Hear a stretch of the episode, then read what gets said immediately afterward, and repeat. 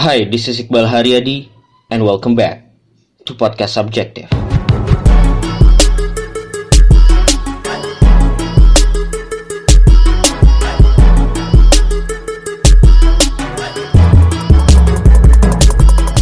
Berikut adalah salah satu konten yang gue ambil dari video di channel YouTube gue.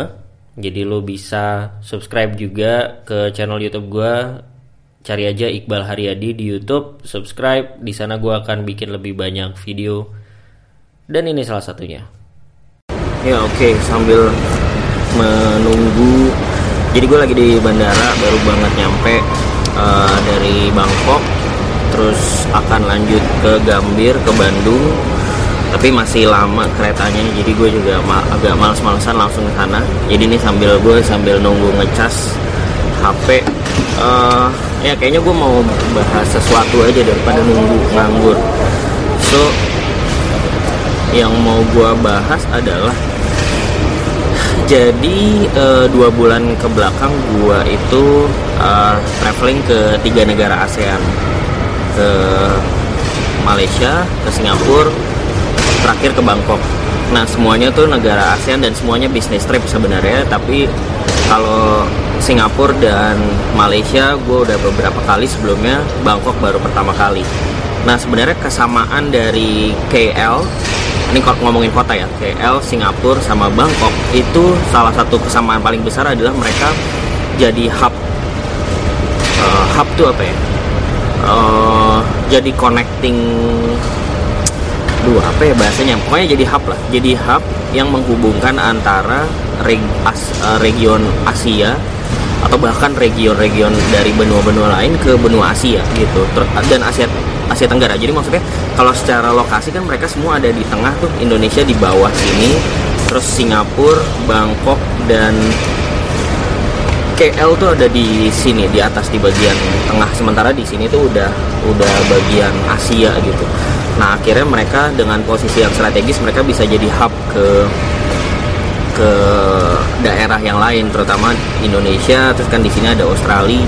Semua orang yang mau dari Australia mau ke Eropa atau mau ke Amerika atau ke mana pasti lewat sini dulu gitu. Jadi mereka jadi connecting hub juga untuk banyak flight antar benua atau antar negara. Nah tapi yang menarik adalah sebenarnya mereka pun sebagai kota itu juga kota yang berkarakter sebagai hub gitu jadi kemarin tuh gue sempat wondering karena jalan-jalan di jalan-jalan di KL, jalan-jalan di Singapura, jalan-jalan di Bangkok, walaupun nggak banyak, tapi kan ngelihat kota-kotanya seperti apa. Dan terus terang kalau Singapura sama KL mungkin emang secara level, secara keteraturan di atas Jakarta. Kalau Singapura mungkin agak jauh, kalau KL nggak terlalu jauh, tapi emang mereka jauh lebih rapi kok jauh lebih rapi uh, ya lebih rapi kalau Bangkok sebenarnya sama aja Bangkok tuh sama kayak Jakarta. Cuma kemarin gue wondering kenapa Jakarta tidak bisa menjadi hub seperti eh, kota-kota ini gitu. Mungkin tidak hanya Jakarta ya tapi Indonesia juga. Kenapa Indonesia akhirnya nggak bisa jadi hub-hub seperti mereka? Karena sebenarnya menjadi kota connecting seperti mereka menjadi pusat pusat per apa ya pusat traffic pergerakan flight antar negara itu sangat menguntungkan buat negara-negara tersebut gitu. Terutama datangin turis e, membuat negaranya juga jadi ya, jadi lebih maju lah. Banyak devisa pengembangan development kota juga jauh lebih baik gitu. Turns out setelah gue merenungkan ada beberapa hal sih yang gue temukan. Yang pertama adalah uh, of course sebenarnya masalah lokasi. Kalau masalah lokasi ya memang yang seperti yang tadi udah gue bilang kan sebenarnya si Singapura uh, eh, KL dan Bangkok itu ada di Semenanjung itu yang memang dia lokasinya super super strategis gitu. Super strategis di situ karena dia jadi penghubung antara ke benua Asia ke ke, ke benua Asia ke kiri atau ke sana lagi ke Eropa atau ke Amerika pun uh, ke Amerika mungkin beberapa kali ya. Kayaknya jarang sih mungkin bukan Amerika.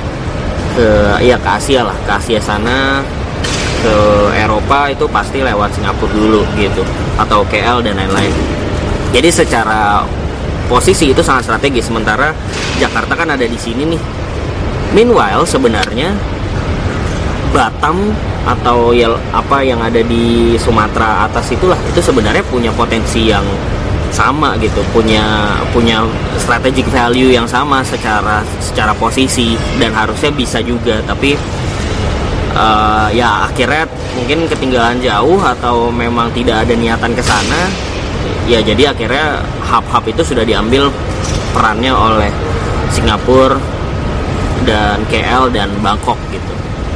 Itu pertama soal posisi.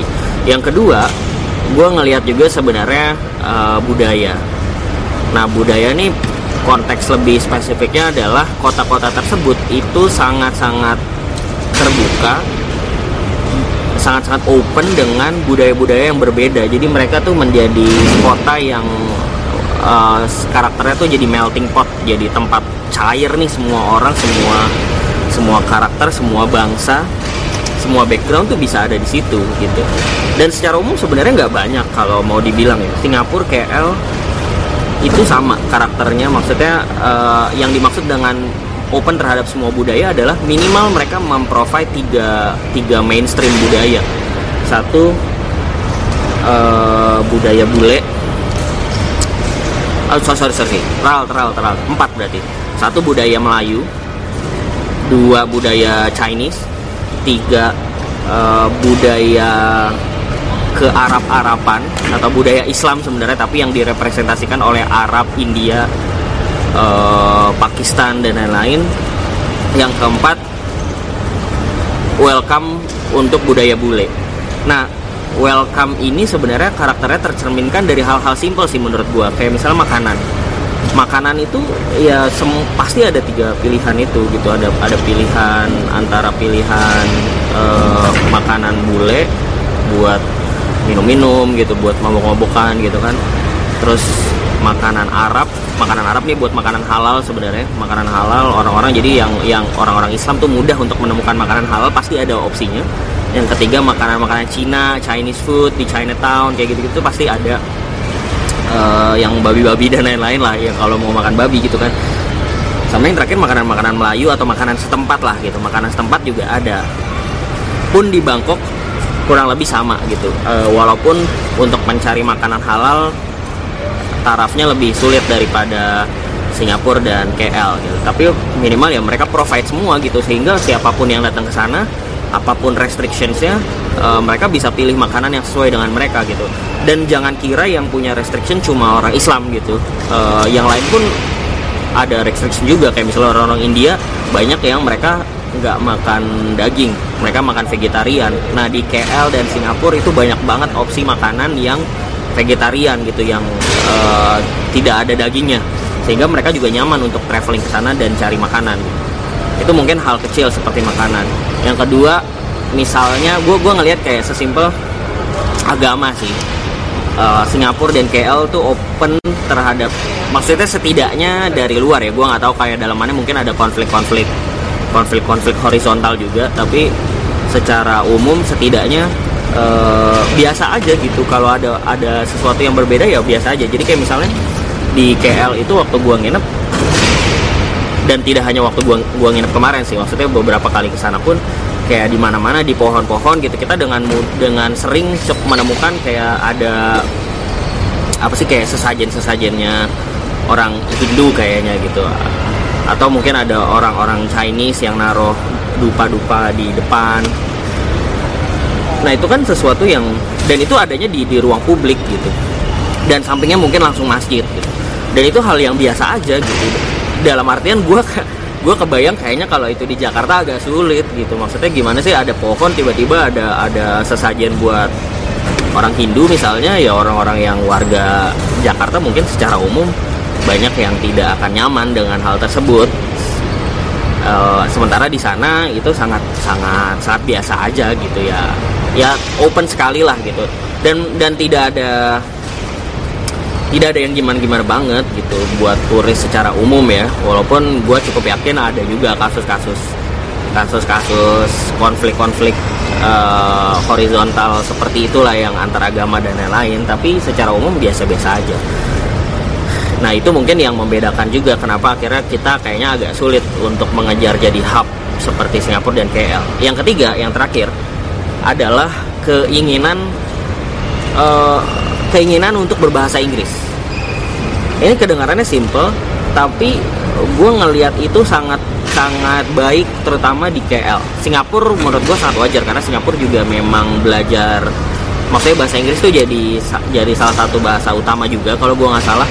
Uh, jadi otomatis orang akan belajar bahasa Inggris. Tapi di KL um, gue amazed banget kemarin waktu gue ke KL gue salah satu acara gue adalah berkunjung ke salah satu NGO yang memfasilitasi teman-teman tunanetra.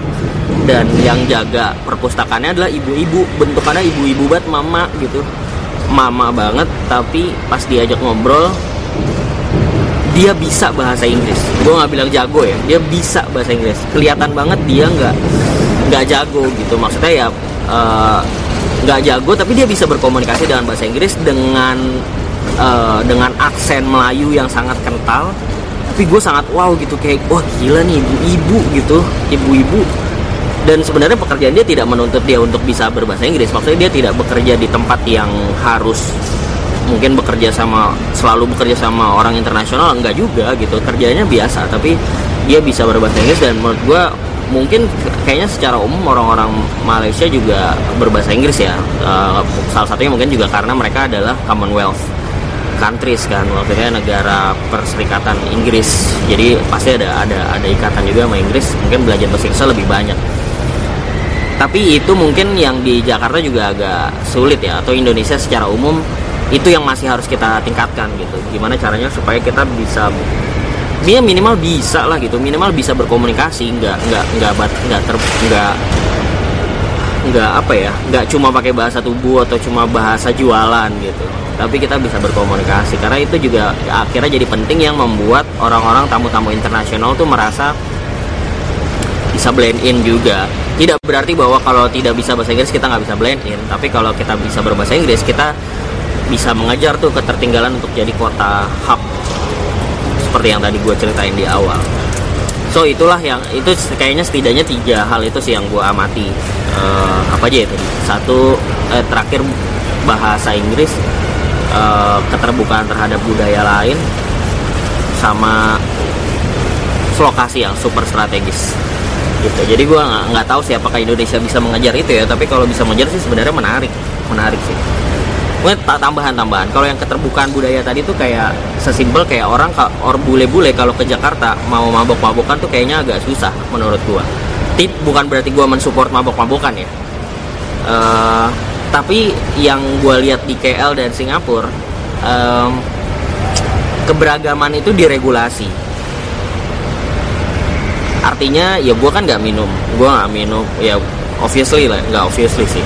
Ya gue nggak minum lah itu ya. Gue nggak minum minum gue nggak makan babi uh, eh, gue menaati Islam lah intinya. Uh, tapi gue pun tidak terganggu dengan orang yang mungkin dia memang mau minum-minum atau dia mau makan babi karena emang dia bukan orang Islam ya silakan aja gitu. Kenapa gue harus melarang-larang juga? Nah poinnya adalah waktu gue lihat di Singapura dan KL ya semua itu diregulasi dengan clear bahwa tempat-tempat minum-minum itu bar-bar tempat minum-minum itu ada ada lokasinya ya di sini aja gitu. Dan orang clear juga oh ya di situ gitu. Jadi orang juga nggak kaget kalau masuk ke situ sebagai astagfirullah orang pada minum minum ya emang di situ tempatnya gitu. Tapi ya di tempat lain yang tidak yang yang regulasinya bukan tempat untuk minum-minum itu tidak ada di sana. Pun sama halnya uh, misalnya Chinatown gitu. Ya Chinatown ya obviously makanannya makanan makanan Chinese yang mungkin didominasi oleh babi-babi gitu. Kalau makan ke sana terus masih kaget oh ternyata babi gimana sih? Ya ya gimana? Maksudnya namanya Chinese food Chinatown gitu. Kalau lu mau makan yang halal ya lu mainnya ke Little India atau main ke Little Arab kalau di Singapura. Atau ya cari halal restoran ada banyak. Ada pelangnya tuh jelas juga nih restoran halal gitu. Kalau ada pork pun ada pork jadi lu bisa nanya juga komunikasi transparan lah intinya. Jadi regulasinya clear. Nah menurut gue yang kita butuhkan tuh sebenarnya keberagaman itu di embrace tapi diregulasi dengan jelas gitu. Jadi bukan bukan hanya berdasarkan uh, apa ya istilahnya kalau istilah umum secara hukum kan bukan hanya berdasarkan uh, apa sih etika dan norma-norma gitu. Tapi norma-normanya terus dituangkan dalam bentuk regulasi yang me, memeluk ah, bukan memeluk memberikan uh, fasilitas untuk semua orang menerima semua orang tapi sesuai dengan uh, hak dan kewajibannya masing-masing. Nah itu sih mungkin yang menarik untuk diterapkan di Indonesia. Gue juga gak tahu sih kayak gimana menerapkannya tapi ya that's what I learned from the last three months gue berkunjung ke Singapura ke KL dan ke Bangkok. So yeah I think that's it. Udah mau 15 menit. What do you guys think about that? Ada yang pernah ke KL, Singapura atau mungkin negara lain dan ngelihat hal yang sama dan mungkin sesuatu yang bisa kita aplikasikan supaya negara kita lebih baik? Give your comment below. So thank you guys. Thank you guys for listening kalau lu suka monggo share di Instagram, Twitter, mention gue at iqbalhp, email ke iqbalhp@gmail.com. Terus kalau lu pendengar Apple Podcast atau iTunes, kasih gue rating dan review karena itu sangat membantu supaya podcast gue dapat pendengar lebih banyak. So thank you so much. Please be subjective. Aku